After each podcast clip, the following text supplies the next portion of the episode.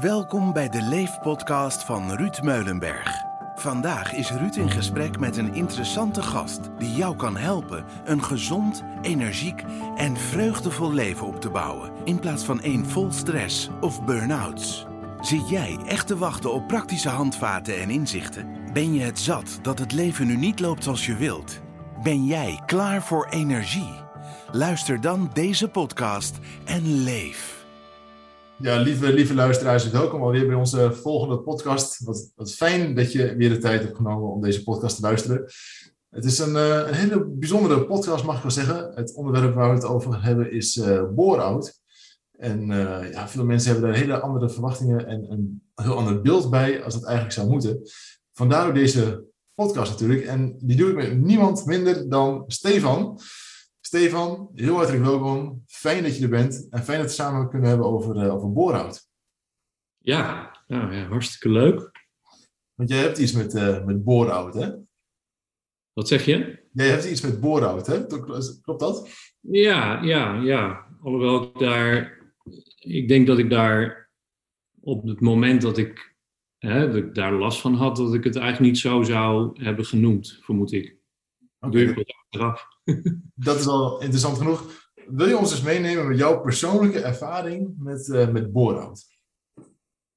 Ja, um, overigens, uh, ik ben niet zo'n uh, heel groot voorstander van al die labels, maar er zijn wel verschillen tussen klachten die samenhangen met bore-out en klachten die samenhangen met burn-out. Um, nou, ik zal het gewoon even aan de hand van mijn, mijn eigen situatie uitleggen. Ik denk dat ik zo'n drie jaar geleden, drie, vier jaar geleden, um, ik werkte in een organisatie waar ik een paar jaar lang um, aardig wat in deeltijd werkte. Ik daar aardig wat um, uh, nou ja, innovatieprojecten eigenlijk had gedaan. Ik had daar uh, al mijn energie in gestopt.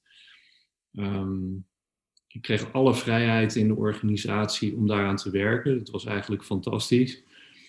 Um, ik werkte heel zelfstandig. Nou, dat is achteraf gezien dan ook een van de valkuilen eigenlijk. Um, maar na een paar jaar, ik werkte daar sinds 2014, na twee, drie jaar, um, ja, was ik eigenlijk, dacht ik van ja, ik heb eigenlijk geen idee wat ik nu nog moet gaan doen. Um, de projecten die ik had opgezet, die, uh, die waren, um, ja, die liepen een beetje leeg eigenlijk. Het, uh, daar, daar kwam niks meer uit voort. En ik kan me herinneren dat ik naar mijn uh, baas toe ging. En dat ik tegen hem zei van, ik heb geen idee wat ik nog moet doen. en, en het grappige was dat ik eigenlijk al wist dat hij, dat hij het ook niet wist. en dat hij ook niet uh, zou gaan zeggen wat ik dan moest gaan doen. Maar ik, ik, kon het niet, ik kon het gewoon helemaal niet meer uit mezelf halen. En dat is dan het gekke, want dat is dus al ergens in denk 2016 geweest, 2017. Um, en vanaf, dan, vanaf dat moment ben ik eigenlijk een beetje gaan zweven in die organisatie. Oh. Er was niemand die tegen mij zei, nou, uh, ga maar dat doen. Uh, ik wist het zelf eigenlijk ook niet meer. En uh, nou ja, om, om even bij het eind te beginnen, ehm, misschien is dat wel wat makkelijker. Uh, op een gegeven moment ja, werd ik eigenlijk heel ongelukkig in mijn werk. En ehm, overigens werkte ik daarnaast als ondernemer. Hè, dus ik, ik, laat ik maar zeggen, ik werkte als coach ook nog. Maar ik had dit werk ook. En dit werk was voor mij ook belangrijk uh, voor mijn inkomen. Ja. Dus ik bleef er ook wel aan vasthouden. Um, en ik kon eigenlijk gewoon niet besluiten om zelf te vertrekken. Um, en dat duurde achteraf gezien gewoon veel te lang. Dus op een gegeven moment begon ik, uh, ja, begon ik allerlei klachten te krijgen.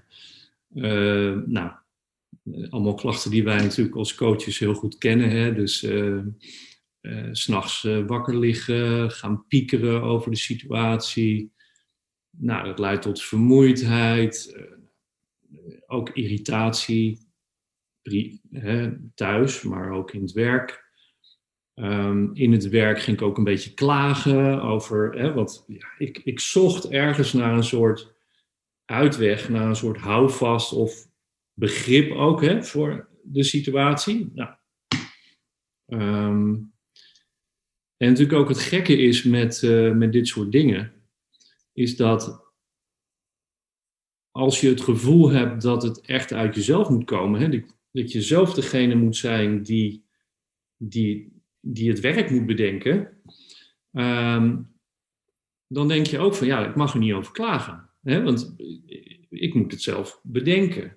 Ja. Het ligt aan mij. Hè, het ligt aan mij. Ik, dat, ik kan dat niet. Uh, ik kan niemand daar de schuld van geven.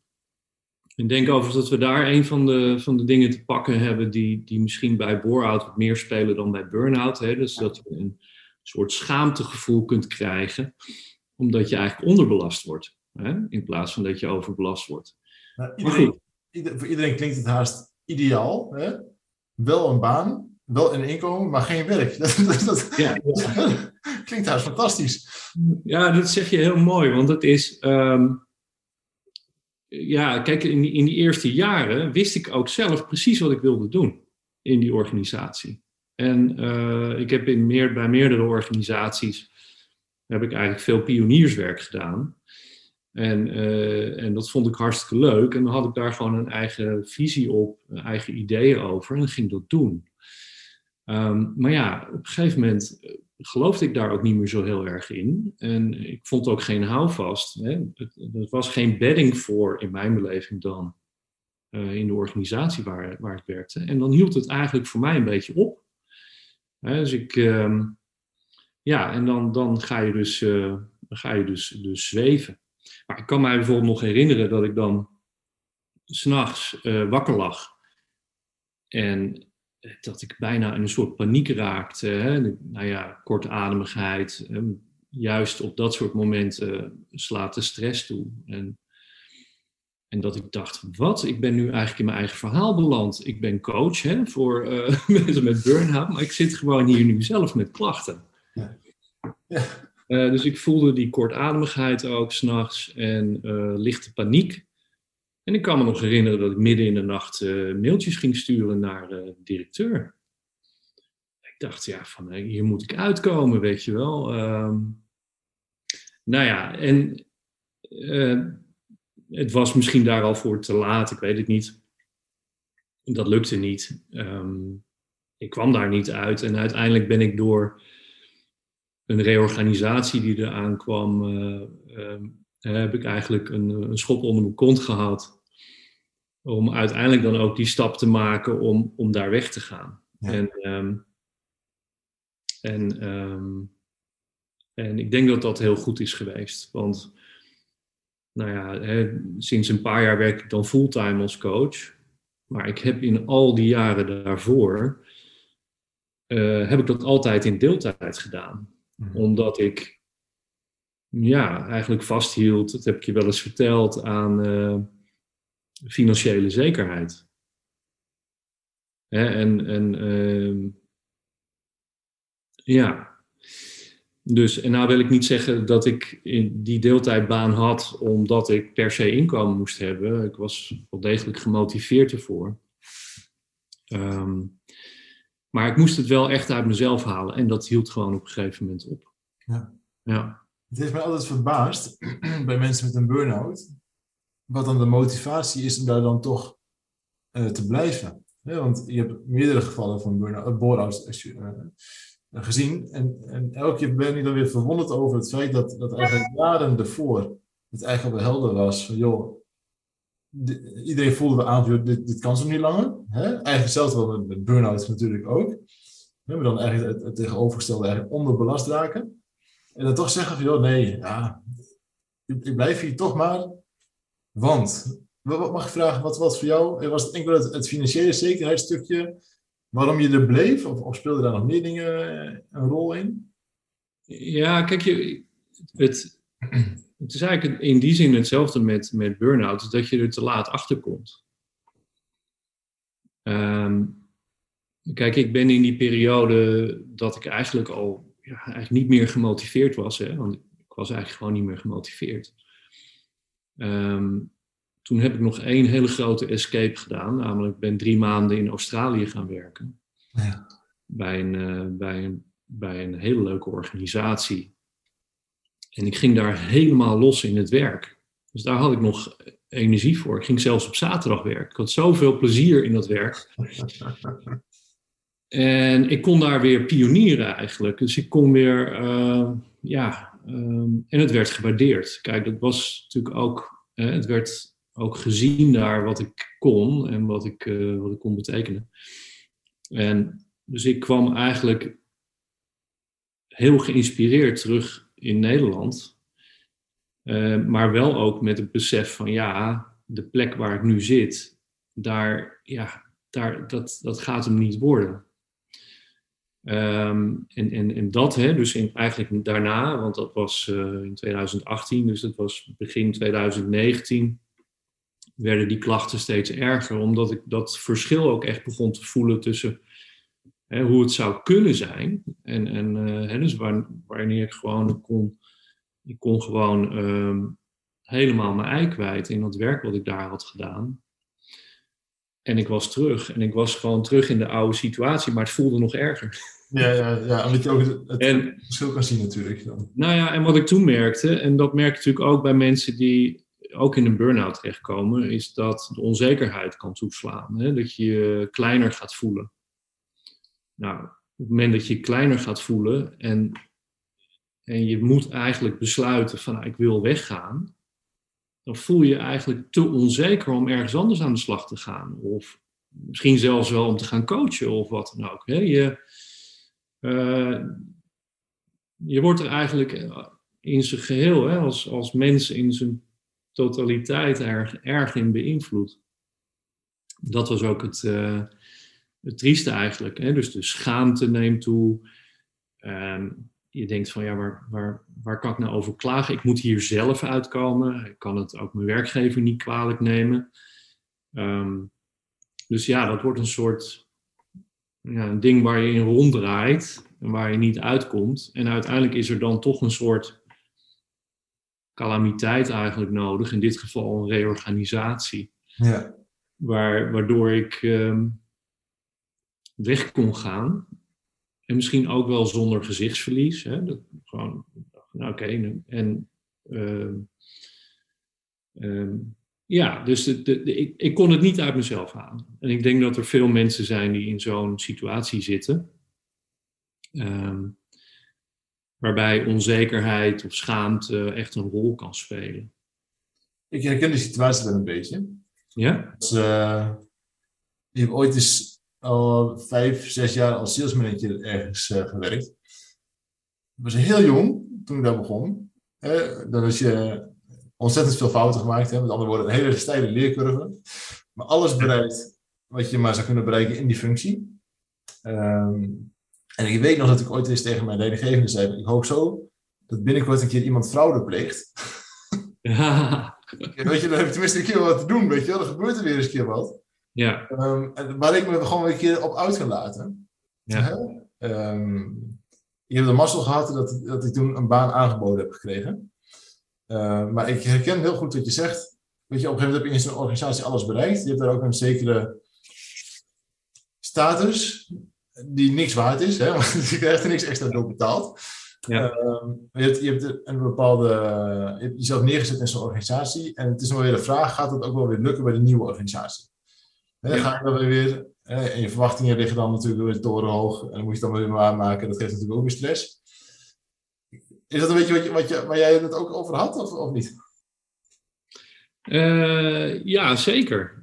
Dus, dus ja, je gaat eigenlijk aan alles twijfelen. Dus uh, uh, ik, ik, was altijd goed geweest in, als een soort pionier in organisaties.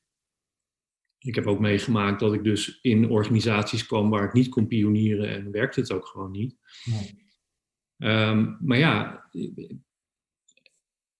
ja, ik had daar ook eigenlijk geen, uh, geen, geen, uh, geen energie meer voor. En uh, wat jij net zei, hè, dat je dan op een andere plek kon gaan werken waar je een baan aangeboden kreeg. Was dat in een ander bedrijf of was het in hetzelfde bedrijf? Nee, het was extern. Ja. ja. Nou ja, kijk, ik denk ook wel dat het belangrijk is dat mensen een beetje met je meekijken. Hè? Van nou, hoe, hoe, hoe staat het er eigenlijk bij? En ik, ik, weet niet hoe jij dat ervaart, maar ik ervaar toch vaak in coachingtrajecten hè, dat um, als het bijvoorbeeld gaat om van nou, krijgen mensen nou de ruimte om een hersteltraject of een preventief traject te gaan doen van hun werkgever. En hoor je vaak dat hun leidinggevende zegt, je hebt alle ruimte om dit te gaan doen. Hè? Maar ja, uh, alle ruimte, maar wat bedoel je daar dan mee? Hè? Mag je dit in werktijd doen? Oké, je mag dit in werktijd doen. Oké, wat betekent dat dan voor, eh, voor jouw werk? Moet je ook nog wel hetzelfde, dezelfde hoeveelheid werk uh, doen? Ja, ja precies. Ja. Hè? En ik zie vaak uh, een soort vrijblijvende manier van managen. Hè? Waarbij ik denk, ja, maar weet je eigenlijk wel goed hoe het met die persoon is? Ja. En ja, hoe vaak hoor je niet managers die zeggen: zeg, zeg het maar als je wat nodig hebt. Of mijn deur staat altijd open. Of dat soort uh, dingen. Hè? En het is allemaal goed bedoeld. Um, maar ik denk dat het ook wel belangrijk is om echt ja, na, nou ja, zeg maar naast iemand te gaan staan en te kijken van hé, hey, wat is er nou, wat speelt er nou echt? Ja. En um, ja, in mijn geval uh, was uh, mijn manager was echt een supergoede manager. Uh, als je zelf in staat was, hè, creatief, ondernemend, om je eigen werk vorm te geven. Maar ja, hij floreerde eigenlijk bij de creativiteit van de mensen om hem heen. En, en daar was hij supergoed in. Maar ja, als mensen het niet weten, dan kon hij het ook niet bedenken. Nee. Dus ja, want waar had jij toen behoefte aan eigenlijk dan? Nou, uiteindelijk toch wel iemand die, die mij vragen zou, hè, ging stellen. Echte vragen stellen. Van oké, hoe is het eigenlijk met je? Waar gaat Dat ik misschien ook wel de durf zou hebben gehad om dan bijvoorbeeld te zeggen van ja, ik ben eigenlijk gewoon heel ongelukkig in, deze, in dit werk. Dat had iemand binnen de organisatie kunnen zijn of daarbuiten. Ik heb ook geen hulp gezocht of zo. Um, en ik, uh, ik had ook wel ideeën over wat ik uh, wilde gaan doen. Ik wilde heel graag weer meer gaan coachen ook. Ja. Uh, maar ja, nogmaals, eh, die financiële afhankelijkheid, hè, voldoende inkomen hebben, speelde bij mij ook wel een rol. Ja. Wat je net zegt, hoeveel ehm, waarde dat heeft. Dat je tegen je leidinggever kunt zeggen, joh, op dit moment ben ik gewoon niet zo heel gelukkig in mijn werk. Of eigenlijk stokongelukkig in mijn werk. En eigenlijk met het uitspreken daarvan, dan los je al zoveel op eigenlijk. Dan, ja. Zo, dit is even de situatie. Laten we even, eh, even de schijn eraf. En ja. hier moeten we wat mee gaan doen. want zo'n werkgever is ook niet helemaal achterlijk natuurlijk. Die ziet ook heus wel dat, je, dat het niet helemaal lekker loopt. Ja. Um, of dat het prestaties vallen, of, of wat het uh, dan ook is. Um, ja, dat, dat, is natuurlijk wel uh, een gegeven, maar die veiligheid is dat heel veel werkvloeren natuurlijk gewoon niet. Nee, precies. Je moet, het ook, uh, je moet ook het gevoel hebben dat er, ja, dat er echt naar geluisterd wordt en uh, zonder dat dat uh, bepaalde gevolgen heeft. Maar goed, dat, dat, speelde in mijn situatie niet hoor. Het was een hele veilige plek en wat dat betreft om, om daar ook over te praten, maar ja, er werd gewoon niks mee gedaan. Nee. Nee. nee. Wat, wat typeert nou iemand die, die een boorout kan krijgen? Ja, dat is wel interessant, want ik toen uh, dacht ook van, kijk sowieso, je vindt er natuurlijk niet zoveel informatie over, hè, over boorout. En, en daarom ook, hè, kijk, je zou kunnen zeggen het is eigenlijk gewoon een burn-out, want het klachtenpatroon is hetzelfde. Um, er ontstaat stress, mogelijk angst, uh, paniek, uh, fysieke klachten, noem alles maar op. Maar ik denk dat. Maar goed, nu dat, dat, kan ik niet wetenschappelijk of zo uh, benaderen. Maar bij burn-out kan het nog wel zijn dat je puur door overbelasting een burn-out krijgt. En bij een bore-out kan het nooit zomaar alleen maar onderbelasting zijn. Hè? Dat, er spelen altijd andere dingen, denk ik, ook mee. Um, en dat zijn toch in mijn beleving vaak wel een soort zingevingsvragen. Hè? Van, ja, wat, wat motiveert je in je werk, of misschien breder? Ehm, onzekerheid kan een rol spelen. Uh, nou ja, wat ik al zei, schaamte. Het gevoel dat je het zelf moet oplossen, hè, dat je niet mag klagen.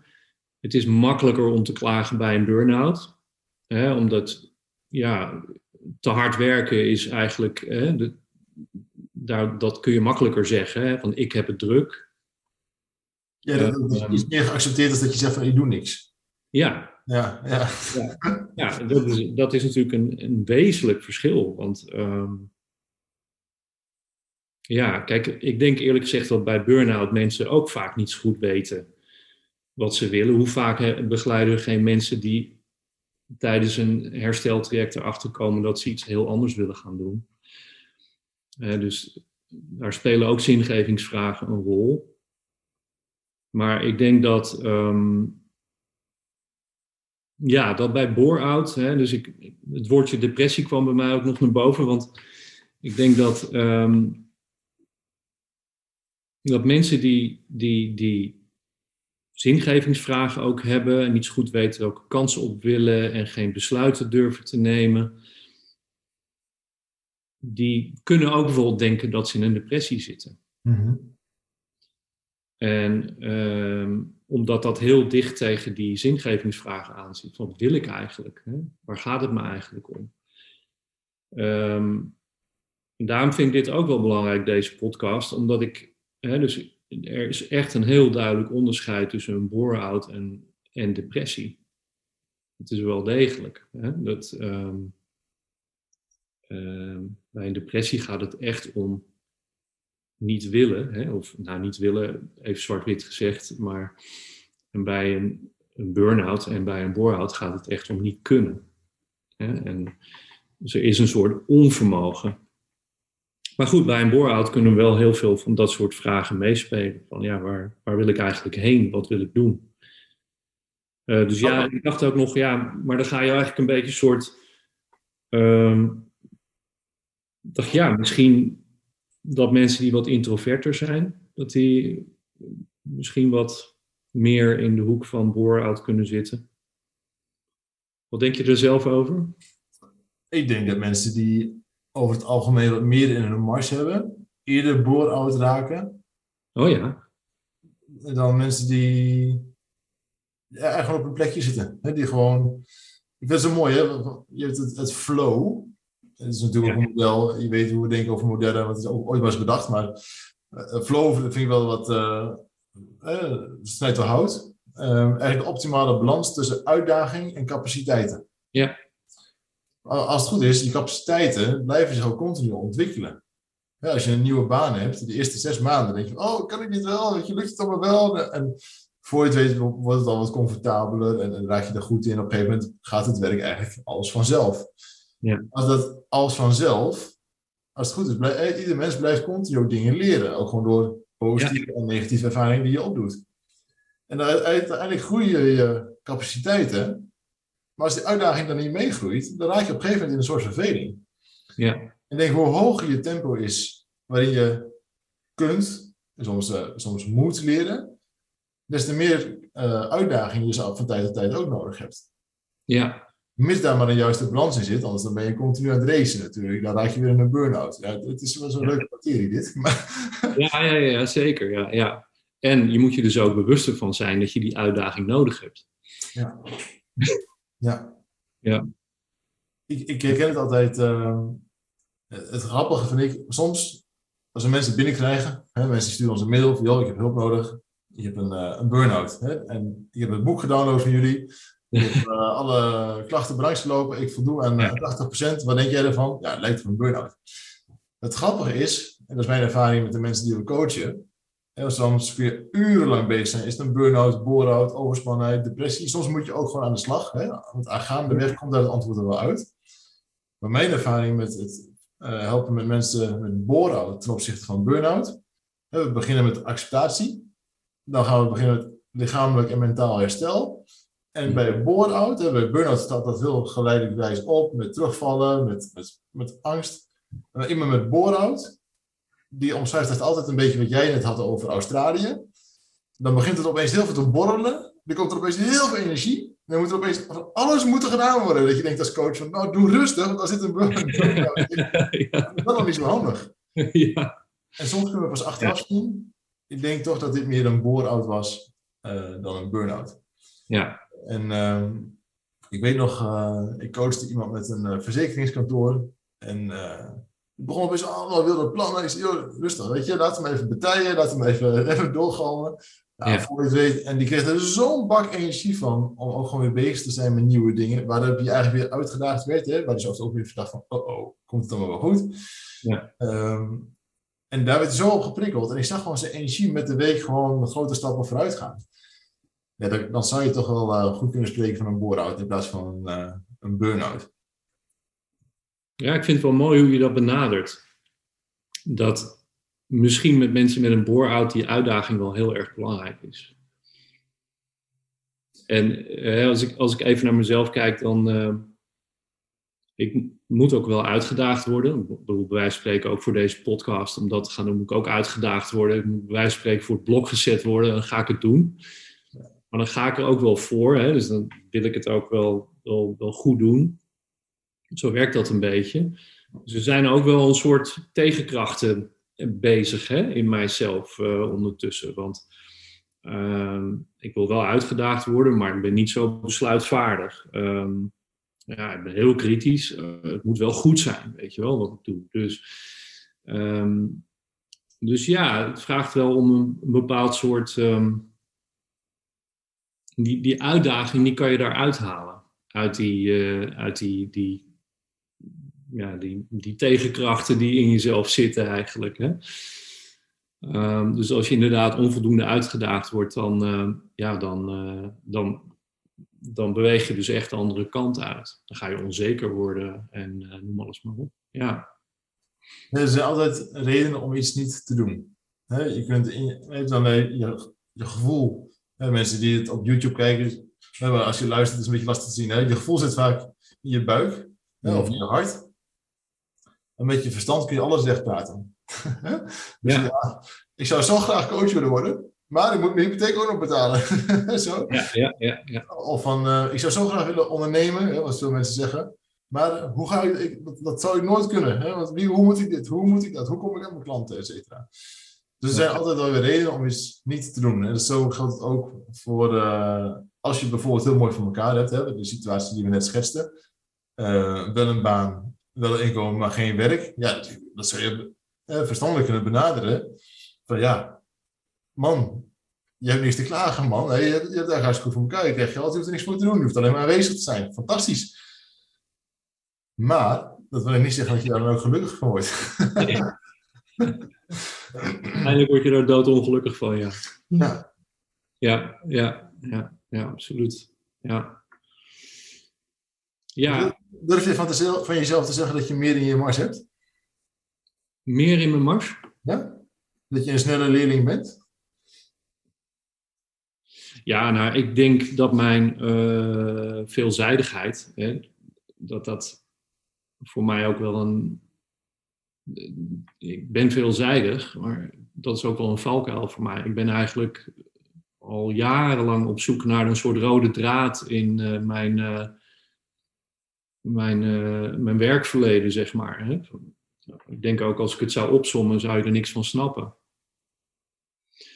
Dus voor mij is het. Um, en als je dan niet zo goed weet hè, dat, wat, wat, welke richting je nou precies op wilt, dan. Um, en je hebt. Ja, je hebt zo'n rare achtergrond met al die verschillende banen.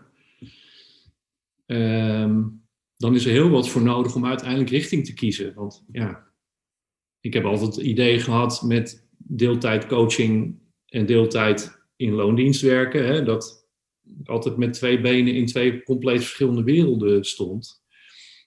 En dat ik ergens wel wist van ja, ik moet kiezen, maar ik, ik kon gewoon niet kiezen. En daar heb ik ook over zitten nadenken van, um, ja, hoe kijk ik daar nou eigenlijk naar? Hè? Want ik heb heel lang um, ja, toch wel met name vanuit een soort verantwoordelijkheidsgevoel ook naar mijn gezin en hè, het huis wat we hadden. ehm, dat heb ik wel degelijk ook meegenomen in de keuzes die ik maakte. En, ehm, en je hoort wel eens natuurlijk van uh, durf toch te kiezen voor dit of dat, maar ik heb daar eigenlijk niet zo'n oordeel over. Ik, ik vind het ook op een bepaalde manier heel legitiem als mensen kiezen voor wat meer zekerheid. Hè? Ik denk dat heel, als we heel eerlijk zijn, dat heel veel mensen dat doen. Dat Natuurlijk. dat gewoon meespeelt. Ja. Uh, het zou raar zijn als je je niet verantwoordelijk voelt voor, uh, voor je gezin, hè? Voor je kinderen.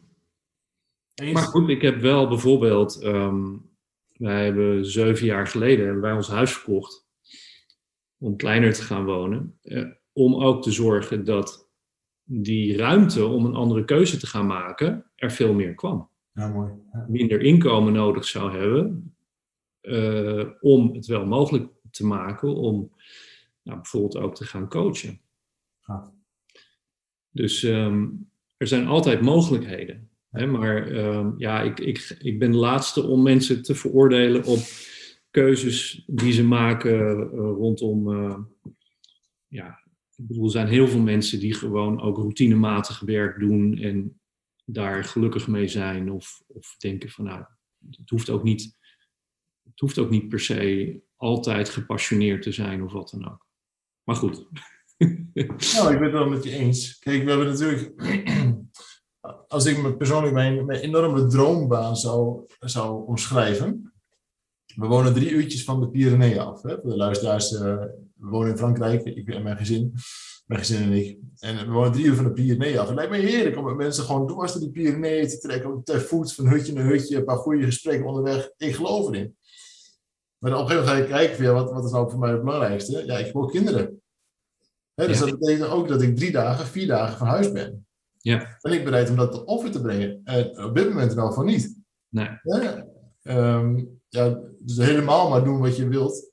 Nou, ik geloof dan nog wel een stukje Pareto, hè? 80% van de tijd doen wat, je, wat je wilt. Maar er zijn ook altijd dingen die je moet doen. Ja, zeker, ja. ja. In een, iedere podcast wel eens met het schoonmaken van de wc. Het is niet mijn favoriete hobby, maar het niet te doen is geen optie. Eens per jaar de pot vervangen is ook niet echt een optie. en hoe ervaar jij dat dan bij, um, bij, bij jonge mensen bijvoorbeeld, hè, die je uh, coacht? Ik heb altijd het idee dat ja, bij veel jonge mensen, ik wil niet te veel generaliseren, maar dat er een behoefte is om maar alles te moeten kunnen doen. Ja, ik vind, uh, daar zit altijd een stukje leiderschap in. Het wordt natuurlijk ook heel erg uh, gestimuleerd om, om, om, te gaan doen wat je moet doen en, en uh, om je eigen talenten te volgen. Maar ik denk dat het altijd wel moet gebeuren vanuit een hele stabiele basis. Ja. Ja, en de, dat er iemand moet zijn, iets van een mentor of een ouder. Nou, ik weet niet of een ouder helemaal geschikt is, maar dat er een bepaalde basis moet zijn van, joh, vanuit deze basis kun je, kun je gaan doen wat je wilt. Hè? Kun je continu blijven leren. Maar dit is wel een, een soort stabiele basis waar je altijd weer op terug kan vallen. Ja. Um, en, en, misschien is het ook, ik was uh, gedacht over het onderwijssysteem waarbij je weet veel begint als uh, bouwvakker. Weet je, of weet je dat je ja. huis moet. Dat, nou, dat is je basis. Daarmee verdien je al een soort inkomen waarbij iedereen eigenlijk gewoon enigszins normaal zou kunnen leven. Als je dan verder wilt, hè, nou, dan kun je daar wel uit, uit gaan leren. Hè? Van, dat je aldoende uh, dingen leert en daarbij ook een theoretische kennis gaat, gaat opbouwen. Um, ik denk dat we daar gelijk heel veel problemen hebben opgelost wat betreft uh, in de bouw, et cetera. Hè? Maar uh, dat, dat er gewoon veel, dat is de basis. Ja. Daar kun je altijd op terugvallen mocht het fout gaan. En vanuit die veilige basis kun je weer uh, kun je gaan, gaan doorontwikkelen en gaan, gaan pionieren eigenlijk. Ja, ja, ja. En ik denk voor jonge mensen, die mogen eigenlijk alles doen, maar in die zin wordt er wel zo heel veel van ze verwacht. Hoe kun je nou in hemelsnaam als je 20 bent, al een soort pad voor de rest van je leven gaan uit, uh, uitstippelen.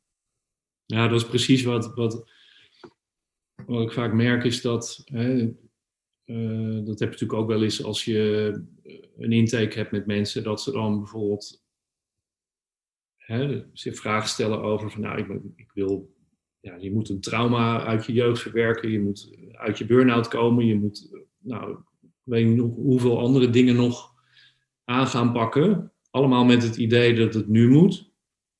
Ja. En eigenlijk soms ook wel eens met het idee, denk ik, dat je voor je dertigste al je, hè, al je rotzooi opgeruimd moet hebben. Want dan pas kun je gaan leven. Hè? Dus dan uh, zit een soort maakbaarheidsgedachte achter, die, ja, waar ik altijd wel moeite mee heb. Ik van, joh, ehm, weet je, ik, ik heb dat een beetje die metafoor ook van een soort sneeuwbal, hè? Dus een sneeuwbal die van een, een sneeuwhelling afrolt, hè? die groter en groter wordt. Hè? En als je naar je leven kijkt, dan zou je het ook zo kunnen zien. Hè? Dat, je, dat, je, dat, je, dat je een soort sneeuwbal bent die steeds groter en groter wordt. En al jouw ervaringen, je verleden zitten daar allemaal in gewoon. Hè? Het idee dat je ergens afscheid van moet nemen, dat je het los moet laten en noem maar op. Ja, zit er gewoon eigenlijk allemaal wel in. Ja. Ik merk dat het vaak voor mensen heel lastig is om te aanvaarden dat ze, ja, dat ze die, die, die, zeg maar, die diepe dalen ook hebben en, en, die, en, en die, die toppen, maar dat het toch eigenlijk vooral over die toppen moet gaan. Ja, dat, dat vind ik het mooie van uh, mensen met, met die snel verveeld raken of mensen die snel leren dan mag je dus ook zeggen, mensen die snel meer sneeuw aan zich laten, laten plakken. Ehm, als je op een gegeven moment van jezelf weet, ik heb gewoon meer uitdaging nodig. Um, en even laat het onderstrepen, want uitdaging is niet meer werk. uitdaging is meer diepgang in je werk. Dat was, dat was vaak gedacht, hè, van, hij heeft meer uitdaging nodig, we schuiven hem meer toe. Ja, ja, ja. Daar gaat, daar gaat het niet over. Nee. Uh, maar wel meer, meer diepgang. Um, moeilijker of verkeer het uitzoeken. Een keer een moment dat je denkt van, oh oh. Maar dat, daar zit altijd een, een contra-beweging in. De momenten dat je denkt van, oh oh, komt het allemaal wel goed? Zorgt uiteindelijk ook weer voor, voor die momenten, die pieken. Waarbij je eigenlijk wel even kan profiteren van al het werk dat je hebt gedaan op die momenten dat je denkt van, oh oh, komt het allemaal wel weer goed? Ja. ja. Nou, als je het voor jezelf weet, joh, ik heb meer uitdaging nodig. Hè, laat het, het woord ook noemen, uh, je bent slimmer dan de rest, je bent misschien hoogbegaafd. Hè? Dat, zou natuurlijk ook nog kunnen. Je gaat harder dan de rest. Dat betekent dat je ook meer uitdaging nodig hebt dan de rest. Alleen dan moet je daar wel tijd voor hebben. Hè? En dan moet je ook uh, snappen dat, dat leren vaak asynchroon gaat. Hè? Een moment ontwikkel je dit, dan ontwikkel je dat, dan zo. Dat, dat gaat nooit gelijktijdig. Dat is, dat is een utopie. Dat gaat niet gebeuren. Nee. nee. Wat heb jij toen gedaan eigenlijk om, om uit die bore-out uh, te komen? Nou, ik ben eruit geholpen dus door die reorganisatie uiteindelijk. Ja. Ik weet eerlijk gezegd niet hoe het was geweest als dat niet was gebeurd. Dus um, weet ik niet. Ik denk wel dat ik ergens een keer hulp had gezocht, vermoed ik. Maar um, aan de andere kant, ik, ik was al wel bezig om het een beetje los te frikken, ook door die drie maanden Australië, waar overigens mijn werkgever uh, alle ruimte voor heeft geboden. Dat vond ik echt heel mooi dat ze dat ook deed. Dus ik denk dat ze ergens wel aanvoelden van ja, hij heeft een nieuwe uitdaging nodig. Ja. Dus ik kreeg daar, uh, ik kreeg daar de ruimte voor om dat te doen. Dat was mooi.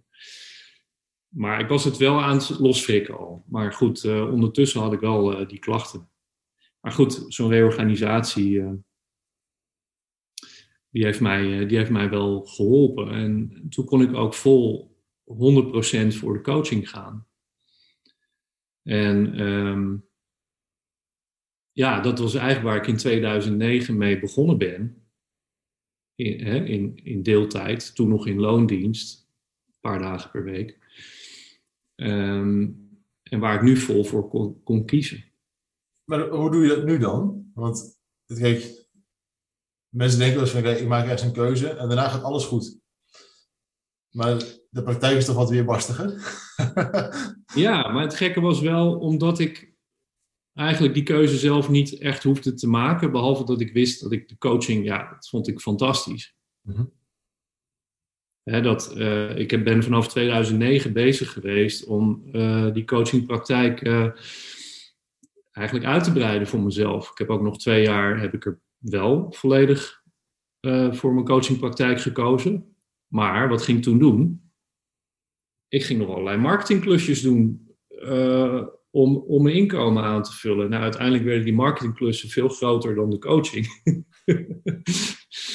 dus had ik er volledig voor gekozen, was ik het nog niet. Weet je wel, bleef ik nog... Uh... Maar goed, dan ben ik even kwijt wat jouw uh, vraag was. Hoe je dat nu doet, hè? Om, om toch uitgedaagd uh, te blijven.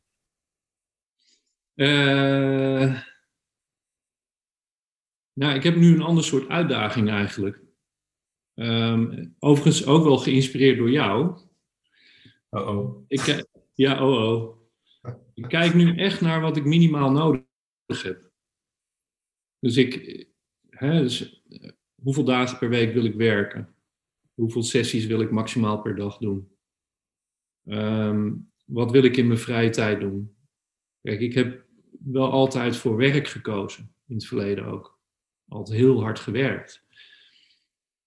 En nu denk ik van nou, ik wil werken, ik wil kwaliteit leveren, maar ik wil ook wel gewoon genieten van mijn vrije tijd. Dus ik, ehm, dus ik investeer in de kwaliteit van mijn coaching door opleidingen en dergelijke. Maar ik investeer nu ook wel veel meer in, in mijn vrije tijd. En uh, dus om daar gewoon een goede balans in te vinden. Nou, dat merk je ook hè, in coaching, dat is gewoon zo. Als je, en met name natuurlijk als je mensen met burn-out of, of bore-out of uh, begeleidt, dan moet je goed voor jezelf zorgen. Ja, als coach zijn. Ja. ja. En, en uh, tenminste, ja, dat, en dat is ook niet altijd, ik bedoel, er zijn ook mensen, maar uh, het is, hè, dus dat, dat, en ik, ja, en ik, daar ben ik nu veel meer gemotiveerd voor. Ja. Nou, daar heb ik nou ook wel wat meer de ruimte voor, omdat mijn kinderen ouders zijn. Hè, dus die, die studeren uh, uh, ergens anders. Dus, ja, dus er komt ook meer ruimte. Die, ik snap wel wat je zegt, hè, want als je minder werkt, hè, dat klinkt als een keer wat tegenstrijdig, zeker als je wat financieel wat moeilijk zit. Op het moment dat je minder werkt, heb je meer focus voor datgene wat je wel doet. Ja. Um, en in ons geval, kijk, als je twee, drie gesprekken per dag voert, we hebben het wel over burn-out, bore-out, met zeer heftige verhalen van tijd tot tijd. Ja. Ik zou er persoonlijk niet aan uh, moeten denken om daar acht gesprekken per dag uh, voor te moeten voeren. Nee, dat kan helemaal niet. kan helemaal niet. Zoals, zoals veel psychologen uit de gezondheidszorg wel zouden moeten. Ja. Daar zijn we ook uh, vrij gevestigd, hè, zoals ze het dan zeggen. Maar de, um, met de EK's die ik wil, maar ook de voldoening die, die ik persoonlijk uit mijn werk wil halen, Hè, voldoening, dat betekent ook dus dat ik wat uitgedaagd word, hè, dat ik ook mijn capaciteiten moet gebruiken. Uh, dan moet ik daar volledige focus voor hebben. Ja. Dat kan gewoon niet acht uur per dag. Nee. Je hebt ook gewoon tijd nodig om dat gewoon even in mijn eigen hoofd te laten belanden. Hè? Ja. ja. Ik moet laatst weer een oude klant horen van een paar jaar geleden. Hé hey Ruud, fietsen is ook belangrijk. Hè? Dat had ik ooit eens tegen hem gezegd. Weet je wel? In mijn vrije tijd pak ik vaak de fiets. Hè? En ja. Dat is mijn fiets echt mijn defragmentatiemachine. Hè? Dat, dat is gewoon, nou, ik heb mijn gedachten heerlijk de vrije loop laten gaan. Dan kom ik thuis, ben ik gewoon gedefragmenteerd. Hè, is dat alles gewoon weer even op, op het plekje waar het zou moeten zijn. Mm um, ook wel een plek waar ik me af en toe van tijd tot tijd even keep te rot voel. Ja, dan denk ik oh ja, wacht even. Maar dan al bewegende komt, alles weer op zijn rijtje. En dan begin ik weer te achter te komen wat, wat nou voor mij nou echt belangrijk is. Ja. En dus je denkt van, oh ja, hier doe ik het voor. Dat is wat het tof maakt. Ja. Dat ga ik niet bereiken als ik totaal zonder focus uh, rondloop en alleen maar bezig met mijn geld verdienen. Ja, precies. Ja. ja. Anderzijds werkt het dus ook zo, doordat ik meer focus heb, kan ik meer kwaliteit leveren. Is mijn uur, uurtarief hoger, verdien ik eigenlijk makkelijker mijn geld. Ja. Dus eigenlijk hou je haast een soort van je eigen strop vast. Hè? Als je in een soort financiële zekerheid wil, uh, wil uh, blijven zitten die ook heus wel bekend is hoor. Dat je denkt, nou goed, ik heb een goed loon, blijf ik hier lekker hangen, dan, waarom zou ik die moeite doen? Ik heb het toch goed. Maar uiteindelijk, wat is goed? Nou ja, kijk, je, ziet natuurlijk heel veel, en met name bij coaches denk ik. Um, kijk, het is moeilijk om je te specialiseren ergens in, hè? want um, ja, vaak zijn coaches die één op één coachen, die werken bijvoorbeeld ook met groepen. Of doen allerlei andere problematiek ernaast. Uh, ik snap het wel, want het is eigenlijk dezelfde soort motivatie als de motivatie die ik had om in deeltijd naast mijn coaching te werken. Hè? Dat, dat, um, maar ik denk toch dat ja, uiteindelijk het focussen op één ding ehm, ja, gewoon veel meer oplevert. En uiteindelijk veel meer energieverlies ehm, ehm, voorkomt. Hè? Dus, eh, eh, dus ja, die focus die, eh, die vind ik nu heel erg fijn. Ja. Om die nu te kunnen, nu, die te kunnen hebben. Ja. Er kan natuurlijk ook een moment komen dat je zegt, joh, dat, dit is een paar jaar heel erg leuk geweest. Maar het wordt nou weer tijd voor wat, wat anders. Dat kan. Tot vraag? Nee, het is geen vraag, het is een, stel, het is een stelling. Succes ermee. dat kan toch? Stel, stel uh, ik haal nu persoonlijk heel veel energie uit het coachen van mensen met een onderneming. Hè? Ondernemers. Uh, oh ja, ja. En, en ja, die lopen ook wel eens tegen dezelfde dingen aan waar ik tegenaan ben gelopen of momenteel tegenaan loop. Ja. En dat daagt mij weer uit. Ik heb ook wel eens gemerkt, toen ik heel veel mensen coachte met burn-out, dan gaan ze op een gegeven moment begon te balen van, heb je dan geen persoonlijkheidsstoornis? Is, is, is het alleen maar burn-out? heb je alleen maar een moeilijke jeugd gehad? Mag er alsjeblieft nog iets bij zitten, alsjeblieft, weet je wel? En dat Jij ging er problemen bij bedenken bij je cliënt. nou ja, daar, daar, daar wil ik niet heen gaan. Maar dat is uh, uh, natuurlijk wel heel grappig. Op een gegeven moment ja, alsjeblieft, hè. Uh, toen dacht jij, ik wil niet dat mijn werk een soort kunstje wordt, waarbij je gewoon elke keer hetzelfde kan gaan herhalen. En dan na uh, een uh, half jaar high, high five tegen en nou, goed hersteld, hè, succes. En dat was ook zo. Dat was heel goed werk. Nee, maar kijk, dat is ook... Kijk, ik, ik heb ook nog zitten denken van, ja, wat, wat maakt nou voor mij coaching zo fantastisch? Hè? Ik bedoel, kijk, in, in welke situatie kun je nou een relatie opbouwen met mensen over een periode van vier, vijf, zes maanden? Hè? Dat je elkaar echt heel erg goed leert kennen. Ja. En dat je doordat je iemand heel goed leert kennen, iemand ook heel goed kunt begeleiden. Kijk, ik vind dat het mooiste. Het zijn geen losse sessies of zo. Je gaat echt een proces in met elkaar. Een soort leerproces, een ontwikkeling. Je, je faciliteert eigenlijk de ontwikkeling van iemand. Ja, hoe mooi is dat? Ja.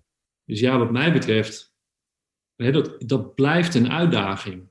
Want bij ieder persoon is dat compleet anders. En, en uh, ja, dat is wat mij, uh, wat mij motiveert. En um, ja, dus, dus dat, ja, dat is eigenlijk oneindig, denk ik dan. Uh, maar misschien ben ik daar ook, misschien denk ik daar over vijf jaar ook wel anders over. Maar...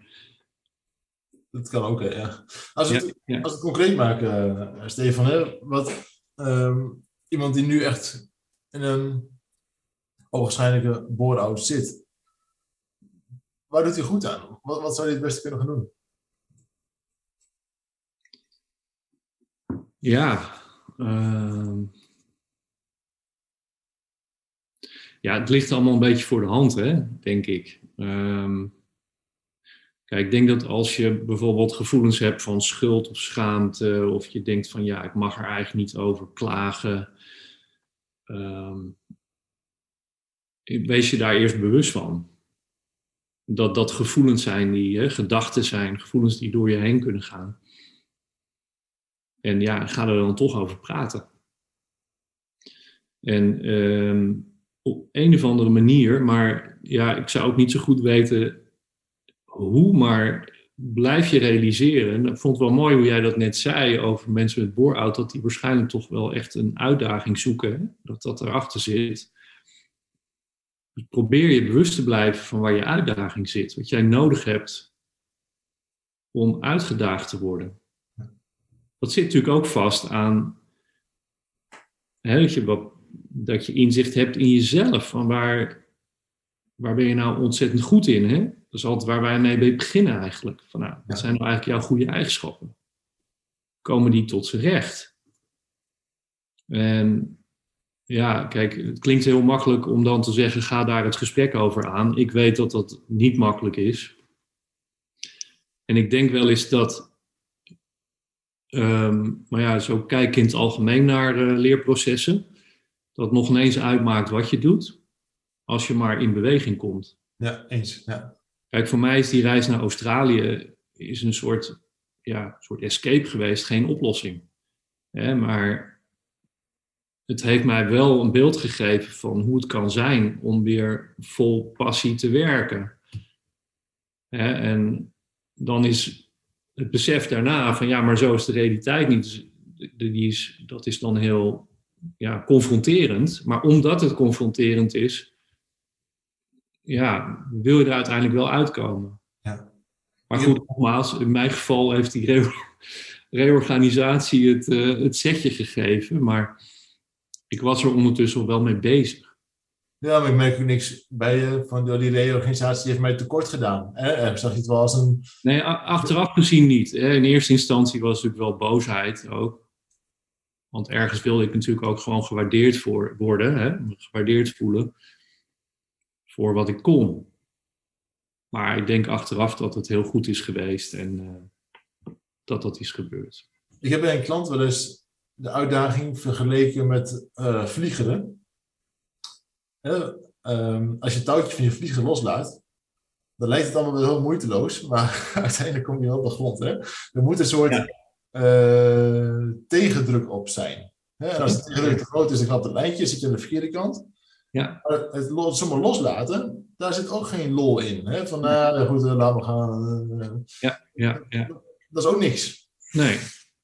En, en het zoeken van die tegendruk, um, wat we dan even uitdaging noemen, ja, als het niet in je werk gegeven wordt, ja. um, of, of, dat je gewoon simpelweg niet tot je recht komt. Ik, ik coachte iemand, een hele slimme man, uh, die eigenlijk niet echt in organisaties paste. Dan ben ik, dat, dat die conclusie trok hij zelf en daar ben ik het helemaal met hem eens.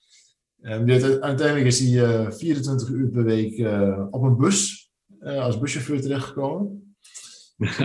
en de andere twee dagen in de week was hij bezig met kernfysica. Oh ja. en weet je, hoe, hoe je die tegendruk, hoe je die uitdaging vindt, dat maakt niet uit. Twee dagen was hij gewoon, weet je, op bliep. gewoon niet mee, niet mee te praten. Andere drie dagen was hij gewoon, gewoon relaxed gast. Had hij die uitdaging heel niet nodig. En voor hem maakte dit dat hij ergens een soort stabiele basis had. Ja. Wel de hele tijd kon blijven evolueren uh, naar zijn eigen uitdaging. En daar kon hij eigenlijk eindeloos verder in, in, in denken.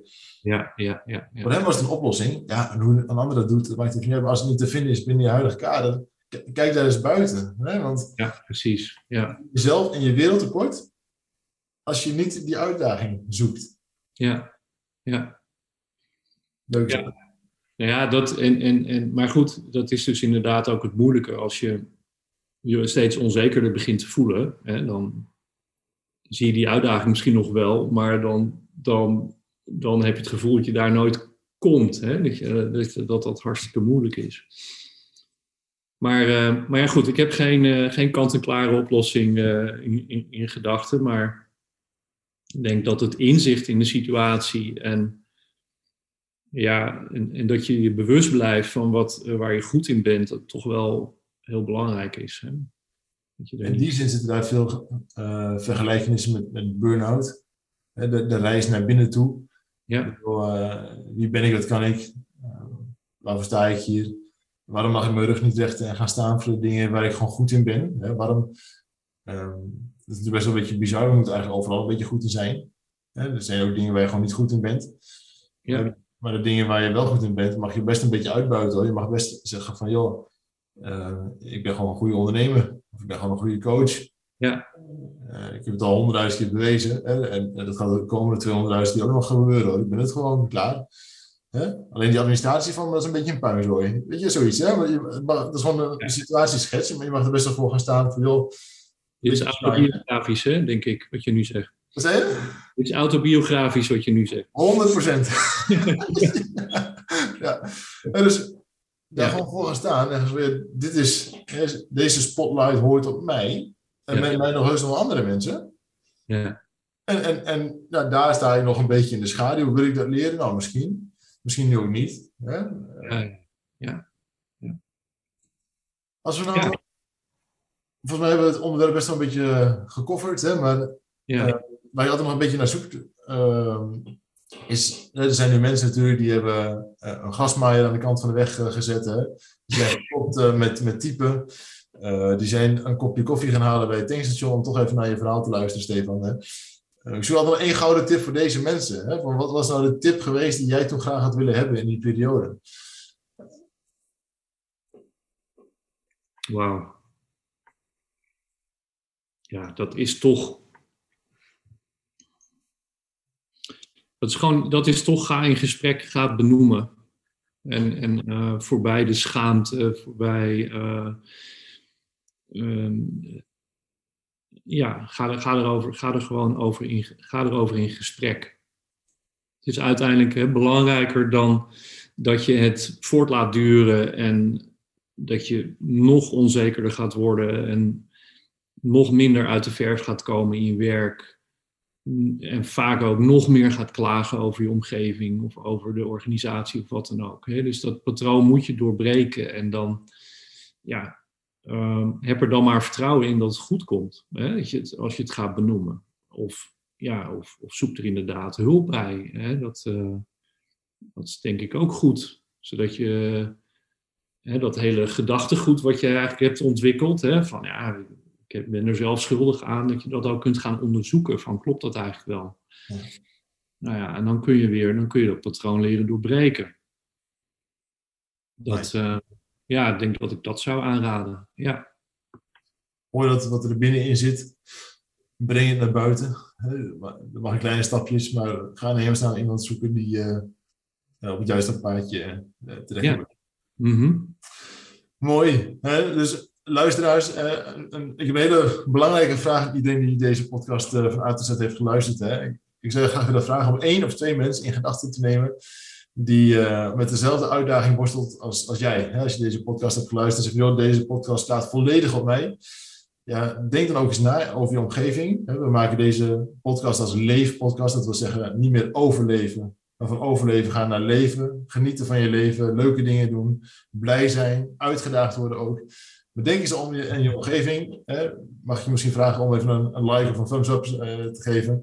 Maar hou niet voor jezelf. En daarvoor maken we deze podcast. In elk geval, ik wil jou heel hartelijk bedanken, Stefan, voor je tijd, je moeite en je expertise. En ik zeg vast tot de volgende keer. Dank je. Hoi. Dank je wel voor het luisteren naar de Leef podcast. Wil je meer weten over stress of burn-out? Meld je dan aan voor onze podcasts of bezoek onze website. Vind je dat meer mensen deze waardevolle informatie moeten horen? Deel dan je mening en beoordeel deze podcast. Samen werken we aan een beter leven na je burn-out.